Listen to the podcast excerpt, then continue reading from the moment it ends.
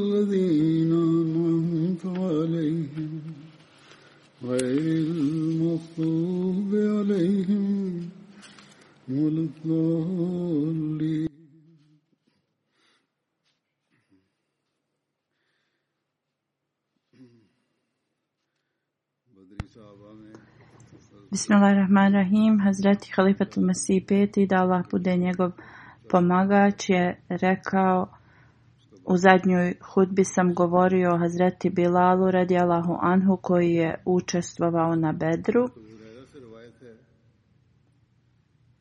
Neki detalji su mi ostali i danas ću da ih spomenem. Hazreti Hureyra radijalahu anhu prenosi da kad se poslanik sallallahu alaihi wasallam vratio s Hajbera, Pješačio je cijelu noć i odmorio se kad se umorio. Rekao je Bilalu radijalahu anhu da zapiše vrijeme za namaz. Ovo je značilo da ga probudi na sabah. Hazreti Bilal je tad klanjao dosta na fila koliko je mogao dok je poslanik sallallahu alejhi ve i drugi ashabi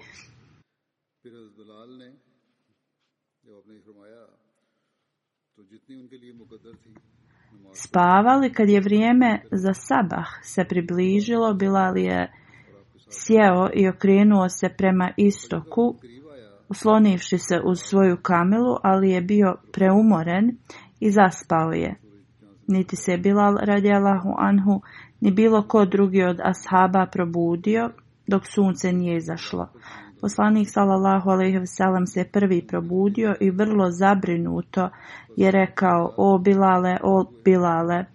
On je odgovorio: "Allahov poslanice sallallahu alejhi ve sellem, neka su moji roditelji žrtvovani zbog tebe." Ista moć me je uspavala kao što je i tebe, to jeste on je zaspao. Časni poslanik sallallahu alejhi ve im je naredio da Krenu i putovali su kratko, poslanik sallallahu alejhi veselam ih je zaustavio, uzeo abdest i rekao Bilalu da prouči kamet i svi su klanjali sabah poslije izlaska sunca. Kad je završio namaz, rekao je ako iko zaboravi da klanja namaz, čim se sjeti treba da ga klanja, jer je Allah Đalešanuhu rekao klanjajte namaz da bi me se sjećali.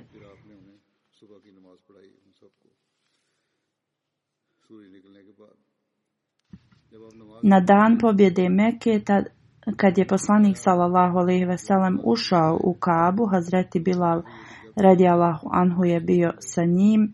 Hazreti ibn Omer ibn Omer radijallahu anhu prenosi Poslanik sallallahu alejhi ve je stigao u Meku na dan pobjede Meke i poslao je po Osmana bin Talha. On je otvorio Kabu, vrata Kabe i poslanik Bilal i Usama bin Zaid i Hazreti Osman bin Talha su ušli unutra i zatvorili su vrata. Ostali su unutra neko vrijeme i onda su izašli Hazreti Ibn Omer radijalahu anhu kaže otišao sam brzo do Bilala i pitao sam ga šta se je desilo. On je rekao on, to jeste poslanik sallallahu alaihi veselam, je klanjao u Kabi. Pitao sam ga gdje je klanjao, on je rekao između ova dva stuba. Ibn Omer je rekao, zaboravio sam da pitam koliko rekata je klanjao poslanik sallallahu alejhi ve sellem Hazreti Bilal Allahu anhu bi poslije pokazivao ljudima gdje je poslanik klanjao. Hazreti Bilal Allahu anhu,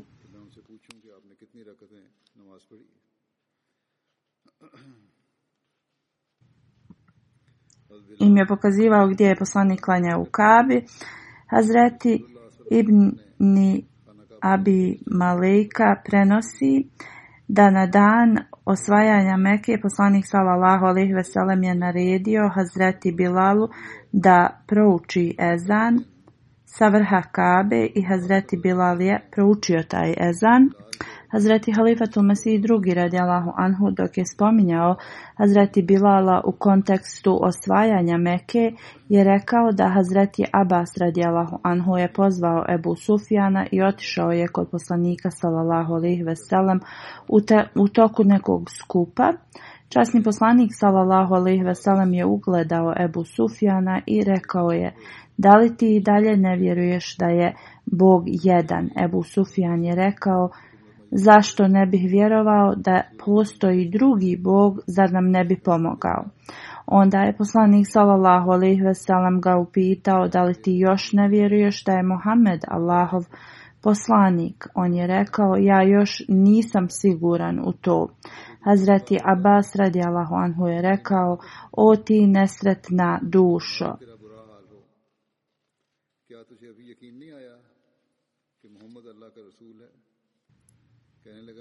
Podaj zakletvu kroz to ti i tvoja nacija ćete biti sačuvani. Ebu Sufjan je rekao u redu, to ću uraditi zbog toga što je Hazreti Abbas insistirao. On je dao bejat, ali njegovo srce nije bilo potpuno ubijeđeno kako god, poslije je on postao istinski musliman. Kad je uzeo bejat, Hazreti Abbas mu je rekao, traži od poslanika da tvoja nacija bude zaštićena. U to vrijeme srca muhađira su bila puna straha. Vjerovali su da kad čast Meke bude uništena da se ne može povratiti. Iako su oni prošli kroz grozne trenutke, nadali su se mirnom rješavanju, ensarije su bili puni emocija i spremnosti. Časni poslanik sallallahu alejhi ve sellem je upitao: "Šta želiš od mene, Ebu Sufjan?" Ebu Sufjana, on je rekao o Allahov poslaniče, salallahu alaihi veselam, zar nećeš pokazati milost svom narodu? Ti si zaista milostiv i dobronamjeran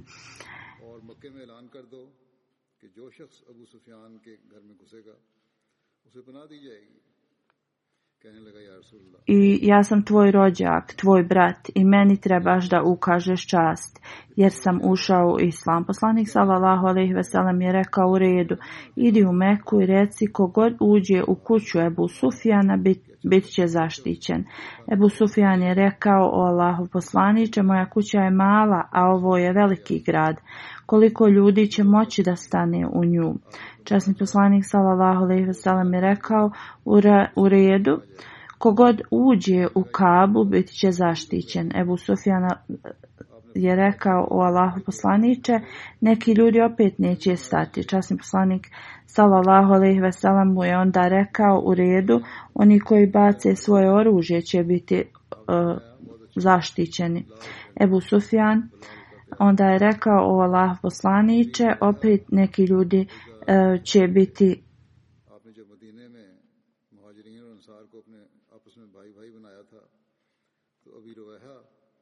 izostavljeni. Časni poslanik sallallahu alejhi ve je rekao: "Kogod zatvori vrata od svojih kuća, bit će zaštićen." Ebu Sufjan je rekao o Allahu poslaniće, siromasi koji žive na ulicama bit će kao bit će ubijeni, časni poslanik sallallahu alejhi ve je rekao u redu, pripremite zastavu za Bilala i donesite mi je. Abiru Vejha je bio ashab i kad je poslanik sallallahu alejhi ve sellem sklopio bratstvo u Medini, uspostavio je bratstvo između Hazreti Bilala i Abiru Vejha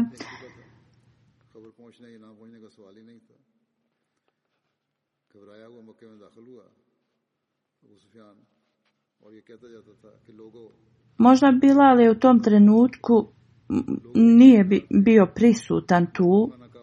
Ta zastava je data Ebi Abi i rekao je ovo je Bilalova zastava, idi u grad i najavi da kogod stani iza Bilalove zastave dobit će zaštitu. Ebu Sufjan je rekao ovo je dovoljno, Meka će biti spašena. Onda je tražio dozvolu da ide od poslanika sallallahu alejhi ve i poslanik sallallahu alejhi ve mu je rekao može da, da možeš da ideš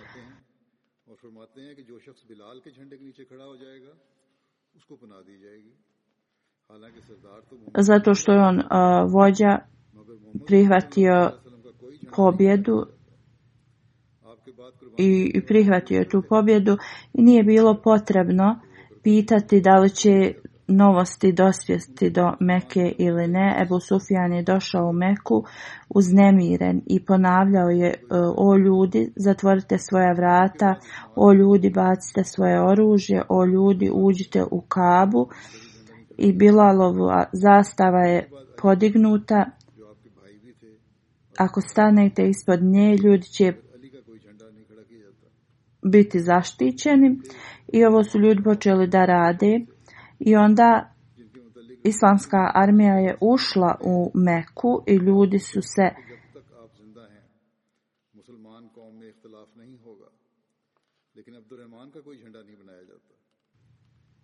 sakupili ispod Bilalove zastave. Hazreti Muslima od Allahu Anhu govori Najizvanredniji detalj ovog događaja je zastava od Hazreti Bilala radi Allahu Anhu. Časni poslanik sallallahu alaihi veselem je naredio da se napravi zastava za Bilala i rekao kogod stane ispod nje bit će zaštićen.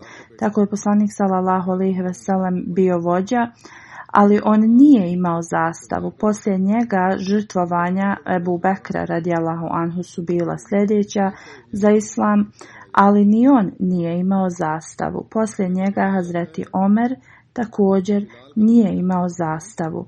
Pa onda Osman radijalahu anhu ni on nije imao zastavu, pa onda Hazreti Ali također nije imao zastavu.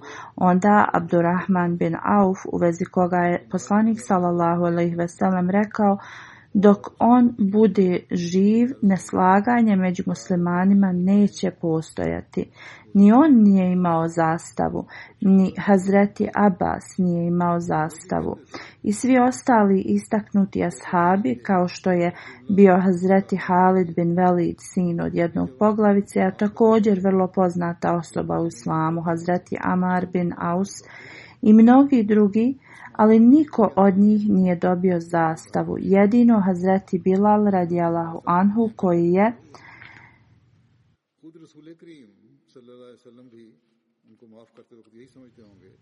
razlog bio za ovo da čak i Ebu Bekr radijalahu anhu je otišao kod poslanika sallallahu alejhi ve i rekao o Allahu poslaniće da li će oni ubijati svoju braću i zaboravio je na sve što su oni radili njima i samo ih je smatrao braćom, onda Hazreti Omer e, koji, koji bi govorio o Allahu poslaniće ubi nevjernike, kad je časni poslanik sallallahu alejhi ve odlučio da im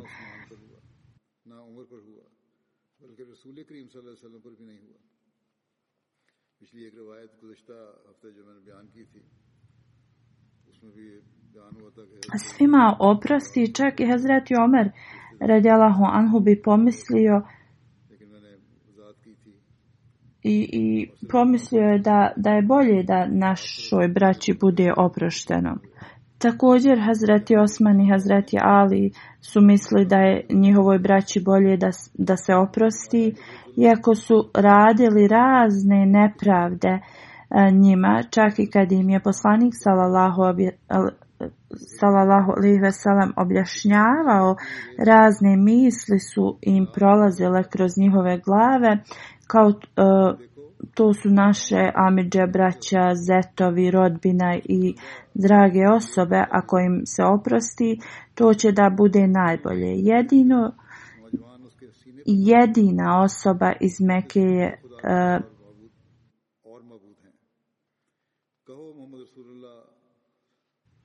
je bio Bilal radijalahu anhu koji nije imao rodbinu u Meki i nikakav autoritet i koji je bio mučen do iznemoglosti. Niti je Hazreti Abu Bekr bio mučen na ovakav način, ni Ali radijalahu anhu, Osman Omer radijalahu anhu, ni poslanik sallallahu alaihi veselem nije prošao kroz te torture. Spomenuto je u ranijim hudbama, Huzur kaže da je poslanik sallallahu alejhi ve sellem i Hazreti Abu Bekr bili suočavani s progonima kako god objasnio sam da su i oni prolazili kroz razne poteškoće, ali Hazreti Bilal je bio jedini koji je prošao kroz grozan period i ovdje Hazreti Muslim Maud Allahu anhu ne govori da i oni nisu prošli kroz okrutnosti, ali on govori da niko nije prošao kroz ovakav tretman. On govori da je Hazreti Bilal ležao na usijalom pjesku i možemo da vidimo da u maju ili junu ovdje ne možemo bosi da hodamo, Hazret muslima odkaže a on je morao da leži bez odjeće na takvom pjesku. Onda djeca koja su imala e, u svojoj obući eksere skakali su po njemu i govorili reci postoji više e, bogova od jednog boga i reci da je Muhammed lažov neuzubila. Sve ovo dok su radili, Hazreti Bilal bi govorio Ashadu en la ilaha illallah Ashadu en la ilaha illallah kako,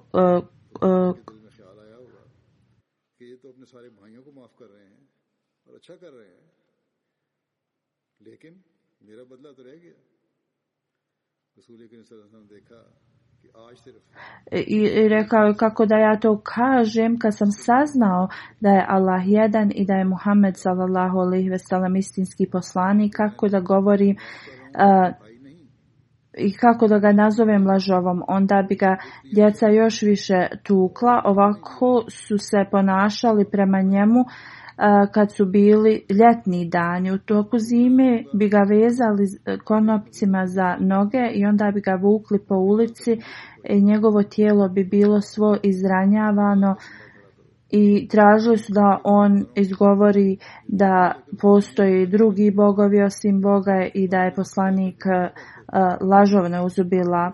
On bi samo ponavljao e, Ešhedu en la ilaha ilallah.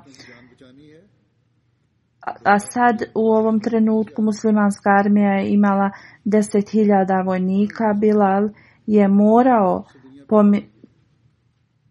pomisliti da ovo vrijeme e, je došlo da naplati to njegovo mučenje. Kako god kad je poslanik sallallahu alejhi ve sellem rekao da svi oni koji uđu u kuću Ebu Sufjana biće e, i odbace oružje, zatvore vrata ili uđu u Kabu će biti spašeni, Možda misao kroz e, Bilalov um radijalahu anhu je prošao da poslanik oprašta svojim bližnjima, što zaista je veliko djelo, ali kako će on dobiti pravdu. Časni poslanik sallallahu je znao da na e, ovaj dan Jedino Hazreti Bilal će biti tužan jer ovi ljudi nisu bili njegov narod niti iz njegovog plemena. Bol koju je prošao a, niko drugi nije prošao. Poslanik sallallahu alejhi je mislio da treba donijeti pravdu za Hazreti Bilala, ali na način koji neće biti protiv statusa njegovog poslanstva. Ali u isto vrijeme da ne povrijedi Bilala radijalahu anhu i naredio je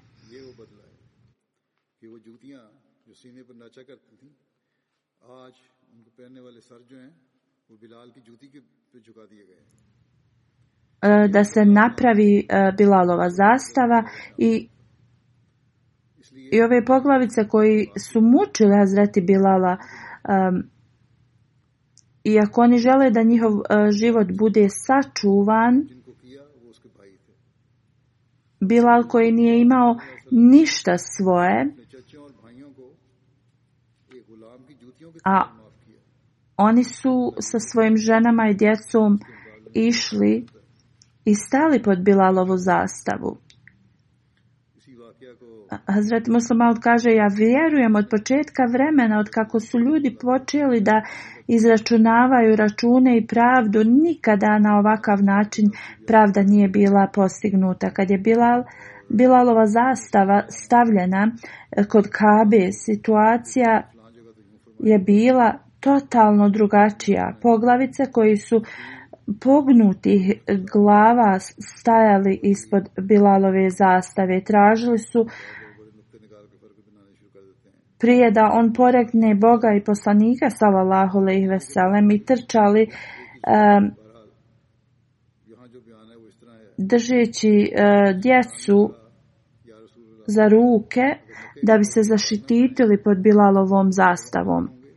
Zamislite koliku ljubav i predanost Bilalovo srce je imalo u tom trenutku prema časnom poslaniku sallallahu alejhi ve Morao je misliti da nikada nije mogao zamisliti da će dobiti pravdu ili priliku za pravdom protiv nevjernika. Sada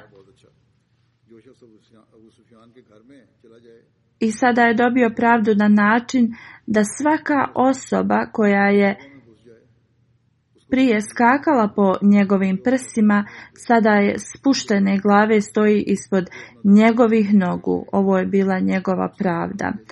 Ova pravda je bila bolja od Jusufove, jer je Jusuf oprostio svojoj braći radi svog oca, to je uradio radi oca i radi svoje braće. Časni poslanik sallallahu alejhi je oprostio svojoj braći i amidžama jedino poslije kad su oni stali pod zastavu bivšeg groba.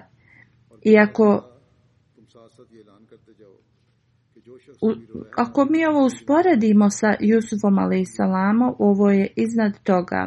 Uzor spominje e, gdje je ove detalje našao, kaže da neki mu pišu da neki događaji su zapisani na drugačiji način, ali Huzur kaže e, neki događaji su e, ukratko zapisani dok neki su detaljno, ali e, svrha te poruke je ista na kraju Ovdje se spominje da je Ebu Sufjan upitao časnog poslanika sallallahu alejhi ve da li će Mekanlije biti spašene ako ne bace oružje. Časni poslanik sallallahu alejhi je rekao svakako, ali moraju da zatvore vrata svojih kuća i bit, oni će biti zaštićeni.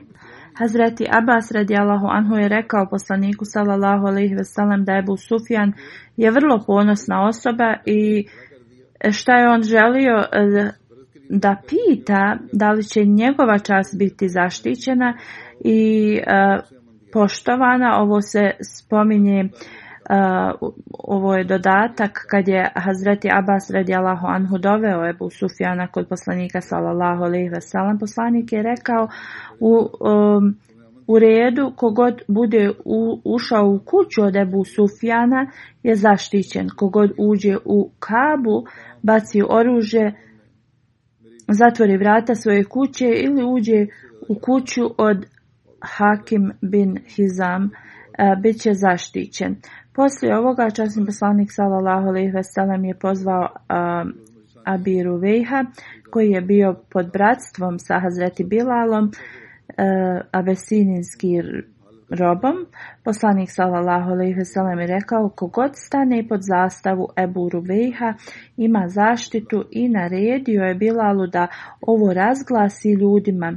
Kogod stane pod zastavu Ebu Ruvejha dobit će e, zaštitu. Ovaj, I ovaj dio gdje Hazreti Bilal ovo govori je dodatak ranijem e, spomenutom e,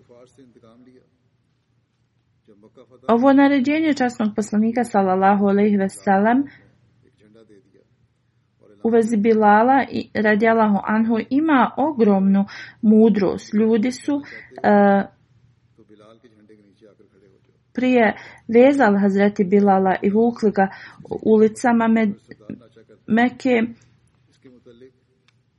Ulice Meke nisu bile udobno mjesto za Hazreti Bilala Allahu anhu zbog svih njegovih progona časni poslanik sallallahu alejhi ve sellem je mislio da na ovaj dan Bilalovo srce teži za pravdom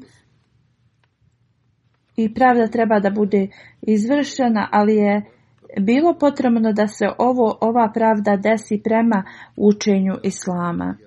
E, časni poslanik sallallahu alejhi ve sellem nije tražio pravdu za Hazreti Bilala da bi on odrubljivao glave, radije naredio je e, Bilalu da razglasi da kogod bude ispod e, zastave njegovog brata biće će spašen. Kako god ova veličanstvena pravda bila je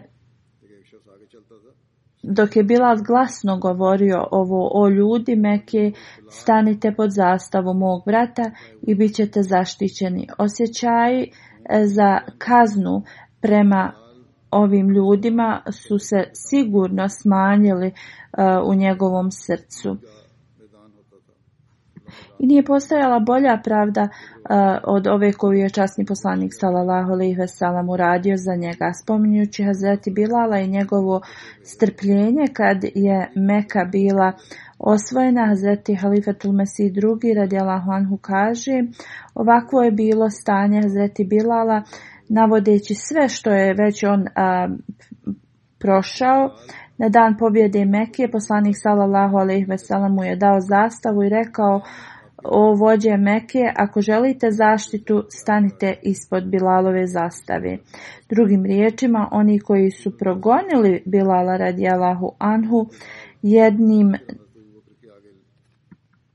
jedini način spasa e, im je bio e, kroz Bilala radijalahu anhu i oni koji je bio prijašnji rob koji je bio rob, a oni poglavice. Onda da li je Bilal nosio zastavu ili njegov brat je to radio, ovo, ova mala razlika u e, zapisima e, bude kao ista stvar.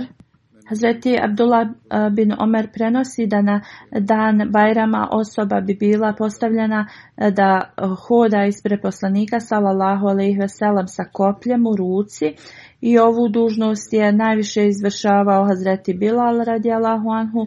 Muhammed bin Amar prenosi da Hazreti Bilal bi eh, za, zabuo to koplje u zemlju i u to vrijeme Bajram se klanjao napolju. Prema hadisu e, kralja Besinje je poslao tri koplja e, časni poslanik sallallahu alejhi ve sellem je zadržao jedno, jedno je dao uh, Hazreti Aliju, a drugo Omeru radijallahu anhu. Na Bajramu na dan Bajrama Hazreti Bilal bi išao ispred poslanika sallallahu alejhi ve sellem, zabao bi ovo koplje i poslanik sallallahu alejhi ve sellem bi klanjao namaz u toj reakciji prema koplju, da, dalje se prenosi i poslije smrti časnog poslanika sallallahu alejhi ve sellem Hazreti Bilal je ovo radio za Hazreti Abu Bekra. Prema hadisu poslije smrti časnog poslanika sallallahu alejhi ve sellem Hazreti Bilal je odputavao prema Siriji da učestvuje u uh, džihadu. Spominje se da je Hazreti Bilal otišao kod Hazreti Ebu Bekra radi Allahu Anhu i rekao o halifo od poslanika sallallahu alaihi veselam. čuo sam poslanika sallallahu alaihi veselam da je najbolje djelo za vjernika učestvovanje e, u džihadu na Allahovom putu. Hazreti Abu radi Allahu anhu je rekao uh, Bilalu Allahu anhu e, kao šta ti želiš Bilal radijalahu Honhu eh, je rekao da me pošalješ u džihad na Allahovom putu i da postanem šehid. Hazreti Ebu Bekr eh, je rekao tako ti Boga i mog statusa, molim te ostani uz mene, moje tijelo je ostarilo i moj kraj se približio i tako Hazreti Bilal je ostao eh, sa Hazreti Ebu Bekrom i kada je Hazret Ebu Bekr radijala Juanhu preminuo, bila radijala Honhu je otišao kod Omera radijala Juanhu i pitao isto pitanje, tražio da eh, isto ko što je tražio od Ebu Bekra radijala Juanhu Hazreti Omer mu je rekao sličan odgovor, kao što je Abu Bekr radijala Honhu, kako god Hazreti Bilal nije eh, prihvatio ovo i želio je insistirao da ide u džihad i nastavio je da pita isto pitanje. Hazreti Omer mu je rekao kom je da dam da uči ezan. Poslije tebe Hazreti Bilal je e, predložio Hazreti Sade, jer je i on učio ezan u toku života časnog poslanika sallallahu alaihi veselem. Onda je Hazreti Omer radijalahu anhu dao dužnost ezana Hazreti Sadu i da njegovo potomstvo također nastavi ovo. Poslije njega dao je dozvolu Hazreti Bilalu da ide u džihad, ovo je u jednom hadisu. U drugom hadisu e, razgovor između Ebu Bekra Radjela Honhu i Bilala Radjela Honhu je bio ovakav. E, Musa bin Muhammed prenosi od svog oca da poslije smrti časnog poslanika sallallahu alejhi ve sellem Hazreti Bilal e, je proučio ezan i prije nego što je poslanik sallallahu alejhi ve bio to jeste prije nego što je poslanik bio ukopan e, kad je Hazreti Bilal proučio e, ešhedu en la ilaha ešhedu Muhammeden Resulullah, on bi umjesto ešhedu izgovarao eshedu zato što nije mogao da izgovori pravilno. E, ljudi su počeli da plaču kad je časni poslanik sallallahu alejhi salam bio ukopan. Hazreti Abu Bekar je pitao Hazreti Bilala da prouči ezan. Hazreti Bilal je rekao ako si me oslobodio da budem u tebe uradit ću što želiš. Ako si me oslobodio u, u, u ime Allaha Đalašanuhu e, pusti me da odlučim šta ja želim. Zret Abu Bakr radi je rekao Slobodio sam te radi Allaha, onda je zreti Bilal radi Allahonhu rekao poslije smrti časnog poslanika sallallahu alaihi salam ja ne želim da učim ezan ni za koga. Hazreti Abu Bakr radi Allahu je rekao da će to da bude njegova odluka to jeste Hazreti Bilala radijalahu anhu. Hazreti Bilal je onda ostao u Medini i u vrijeme Hazreti Omera je otišao u Siriju. U uh, u Gaba u hadisu se spominje e, da kad je Hazreti Bilal rekao Hazreti Abu Bekru da li e, kao da li smo oslobodio radi sebe ili radi Allaha kad je Abu Bekr rekao radi Allaha da je Hazreti Bila rekao onda me pusti da idem u džihad e, u Siriju i da je Ebu Bekr radijalahu anhu rekao da on može da uradi šta želi.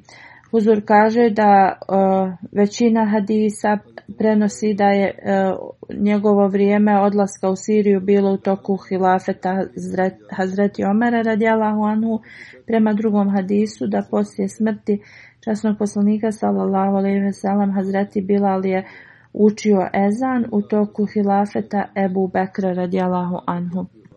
U jednom hadisu se prenosi da je Hazreti Bilal e, radijallahu anhu sanjao poslanika sallallahu alejhi ve sellem kako mu kaže o Bilale kako je e, nepažljivo od tebe da nisi došao da me posjetiš.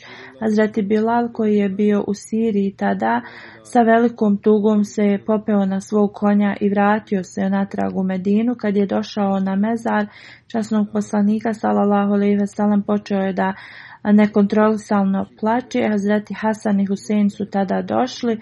Hazreti Bilal ih je izgrlio i poljubio. Hazreti Hasan i Husein su rekli da oni žele da on prouči jezan za sabah namaz i Hazreti Bilal se popeo na krov i prema prenosiocu kad je rekao Allahu akbar, Allahu akbar, Medina je odjekivala. Kada je učio Ešhedu la ilaha još više je grad odjekivao e, i i kad je rekao šhedu anna Muhammeda Rasulullah, čak i žene su izašle iz svojih odaja, prenosijac je rekao nikada nije vidio toliko ljudi da, da plaću na isti dan kao tada. U drugim e, riječima, Muslimani su bili podsjećeni na vrijeme časnog poslanika sallallahu alejhi ve sellem i emocije su ih predvladale u toku hilafeta Hazreti Omera radijallahu anhu kada je Hazreti Bilal tražio da ide u džihad. Hazreti Omer ga je upitao zašto te je kao šta te je zaustavilo da učiš ezan Hazreti Bilal radijallahu je rekao ja sam učio ezan prema naredbi časnog poslanika sallallahu alejhi ve to sam radio e, da, do njegove smrti, onda sam učio e, prema naređenju Hazreti Abu Bakra radijallahu anhu, jer me je on oslobodio i radio sam e, to do njegove smrti. poslanik sallallahu alejhi ve sellem je rekao od E, Obilale nema e, boljeg obožavanja od učestvovanja na u džihadu na Allahovom putu. Hazreti Bilal je onda otišao u Siriju poslije kada je Hazreti Omer radijalahu anhu otišao u Siriju. Hazreti Bilal je učio ezan prema naređenju Hazreti Omera. Prenosioc ovog hadisa kaže nikada nije vidio Hazreti Omera eh, radijalahu anhu emocionalnijog eh, od tog dana. Hazreti Halifatul Masih drugi radijalahu anhu u vezi eh,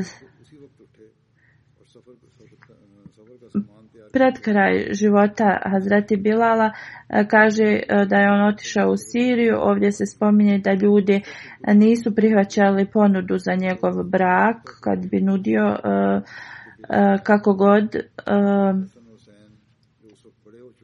Ranije je spomenuto da je on bio oženjen. Možda nije dobio odobrenje zato što je putovao u Siriju ili u Siriji nije dobio bračni prijedlog u svakom slučaju u prošlosti on je bio oženjen. Hazret Muslimao kaže da je Hazreti Bilal uh, poslao ponudu za brak u Siriju i rekao je da je on Afrikanac i da je do njih ako žele da ga prihvati, ali ako ga prihvate zato što je on bio ashab poslanika sallallahu je velika korist za njih i onda je rekao Neko je prihvatio njegov prijedlog za brak i on je otišao u Siriju. Ali on je imao brakove prije. Moguće je da mu se supruge nisu željele da presele s njim u Siriju ili da su one preminule ili da se oženio u Siriji i svakako, u svakom slučaju trebamo da istaknemo da je Hazreti Bilal e, bio oženjen. Iako Hazreti malo e, spominje tu da e, niko niti je nudio mu brak, niti je prihvaćao. Allah najbolje zna kontekst ovih riječi, ali Hazreti Bilal radi Allahu Anhu e, je kada je se oženio, ostao je u Siriji Detalji o njegovom braku su samo spomenuti, ali šta želim da spomenem jeste jedan san koji je on sanjao. Časni poslanik sallallahu alaihi mu je rekao ali izgleda da si me zaboravio i ne dolaziš da posjetiš moj mezar Hazreti pa Bilal je odmah spremio se i otišao u Medinu i puno se je molio e, kod mezara e, časnog poslanika sallallahu alejhi ve sellem. Vijest o njegovom dolasku se je raširila po Medini i Hasan i Husein e, su došli do kod njega, oni su bili tad dosta stariji i pitali su ga da li si ti učio ezan u toku života poslanika sallallahu alejhi ve a njih oba dvojica su pi, odgovorio je da i njih... oba dvojica su ga pitali da li on može da prouči ezan za njih. Tada je Bilal Radjalahon proučio ezan i mnogi su čuli taj ezan u toku hilafeta Hazreti Omara Radjalahon Anhu je e, uspostavio sistem e, koji se e, brinuo o računovodstvu u Siriji. Kad je ovo završio, Hazreti Bilal je otišao u Siriju i boravio je tu sa uh, e, muđahidima. Hazreti Omer e, mu je rekao koga ćeš ti da postaviš da se e, ovdje brine u vezi tvojih financija? On je rekao Abu Rubejha jer je ta, on je ta osoba koju je poslanik s.a.v. ve uspostavio bratstvo između nas. Amar bin Mamun prenosi od svog oca da brat od Hazreti Bilala je govorio da je on Arab i e, da se smatra kao Arapom. On je poslao prijedlog za brak e, nekoj e, Arapkinji i ona je rekla ako Hazreti Bilal dođe da će ona e, možda da razmisli o tom prijedlogu za brak. Kad je Hazreti Bilal radijalahu anhu došao, proučio je šahadet i rekao ja sam Bilal bin Rava, a ovo je moj brat. Što se tiče njegove vjere i morala, on nije dobar čovjek, ali ako želiš da se udaš, možeš, a i možeš i da odbiješ. Ona je rekla, pošto je on tvoj brat, ja ću se složiti da se udam za njega. I ona se udala za brata od Hazreti Bilala. Zaid bin Aslam prenosi, da neki ljudi iz nekog plemena su došli da vide poslanika sallallahu alejhi ve sellem. Oni su došli i pitali poslanika sallallahu alejhi ve sellem da sklopi brak e, sa od njihove sestre sa nekim čovjekom. Poslanik sallallahu alejhi ve sellem je rekao šta vi mislite o Bilalu? Oni nisu ništa rekli, otišli su pa su došli još jedan put, pa onda još jednom treći put i pitali isto. Poslanik sallallahu alejhi ve sellem je tad uvijek govorio u vezi Bilala i onda je na kraju rekao šta mislite u vezi Bilala koji je e, stanovnik dženeta. I prenosio govori da su tad oni prihvatili da e, se njihova sestra uda za Hazreti Bilala. Hazreti Mirza Bešir Ahmed piše u toku hilafeta Hazreti Omara radi Allahu Anhu on zajedno sa Ebu Sufijanom i mnogim drugim poglavicama Meke koji su prihvatili islam kada je Meka bila pobjeđena otišli su da kod Hazreti Omera radjala Honhu. Huzur kaže ovdje ovo on je greškom napisano. Znači e, Ebu Sufjan i razne poglavice koji su prihvatili islam padom Meke su otišli kod Hazreti um, Omera radijalahu anhu. U isto vrijeme Bilal, Amar, Zuhayb radijalahu anhu su došli i neki drugi su došli da se sastanu sa Hazreti Omerom. Ovo su koji su bili bivši robovi i koji su bili puno siromašni, ali su oni na početku prihvatili islam. Kada je Omer radijalahu anhu dato do znanja da su i oni došli, on je pozvao Bilala prvog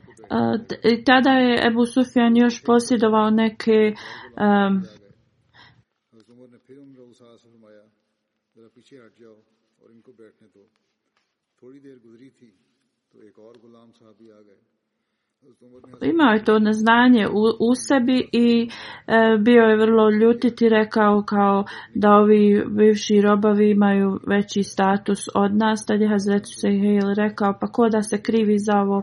Muhammed sallallahu alaihi nas je pozvao u vjeru i oni su prvi prihvatili.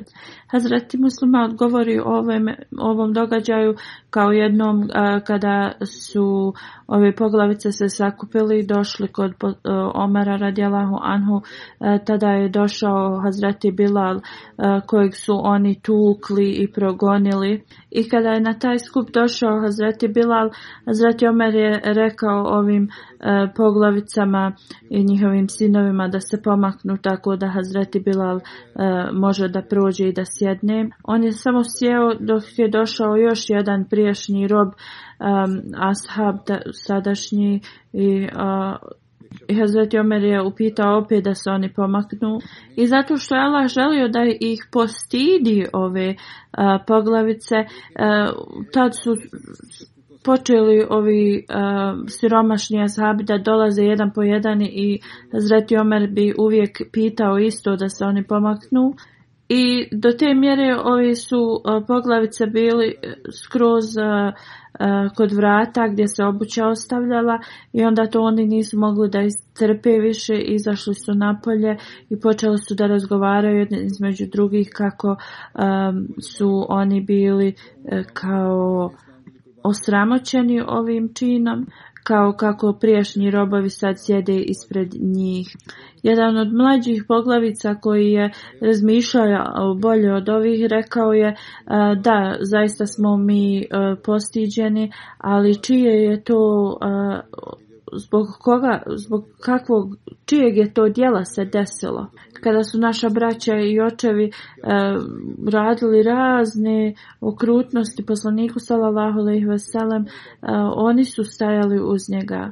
Oni zaista zaslužuju veliku čast E, zbog njihovih e, dijela, onda zašto se vi bunite? I to je radi zlih namjera vaših predaka e, da, da vi niste sad dobili tu čast kao ovi bivši robovi. Kad je on ovo rekao, oni su tad shvatili. Oni su rekli zaista naši predsi su krivi za ovo, ali da li postoji način da mi možemo ovo da od nas kao operemo od nas? Oni nisu mogli da nađu rješenje iskušenje i onda su se složili da odu kod uh, Hazreti u radijalahu anhu. Kada su se vratili, uh, svi ovi drugi ashabi su otišli. Kao oni su željeli rješenje što uh, šta oni da urade da se ovo otkloni od njih, ova prošlost njihovih predaka. E, Hazreti Omer radijalahu anhu im je rekao nemojte da budete tužni. Ovo su ashabi koji su e, bili uz časnog poslanika sallallahu alejhi ve sellem i na njegovim skupovima oni su uvijek sjedili naprijed i ja to je bila moja dužnost da, da i danas oni sjede ispred e, oni ovi koji su došli rekli su da oni shvataju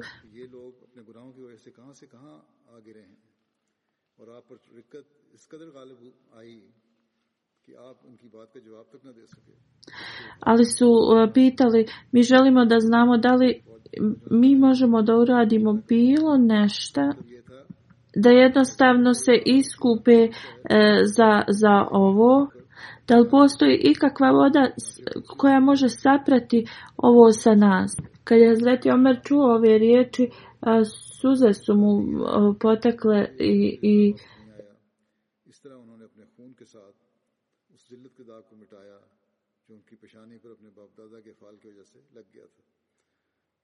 razmišljajući koliko su ovi ljudi sad predani da, da izbrišu uh, greške njihovih predaka.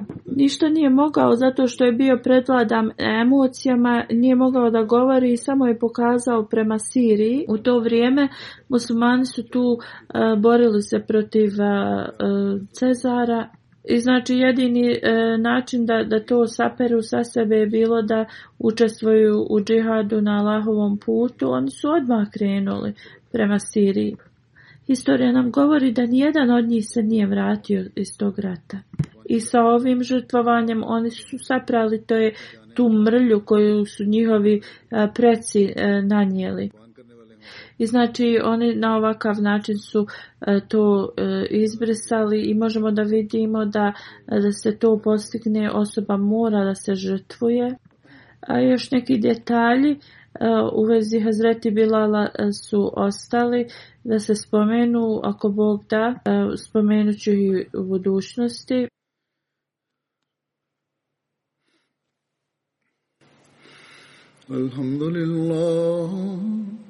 الحمد لله نحمده ونستعينه ونستغفره ونؤمن به ونتوكل عليه ونعوذ بالله من شرور أنفسنا ومن سيئات أعمالنا من يهده الله فلا مضل له ومن يضلل فلا هادي له ونشهد أن لا إله إلا الله ونشهد أن محمدا عبده ورسوله عباد الله رحمكم الله إن الله يأمر بالعدل والإحسان وإيتاء ذي القربى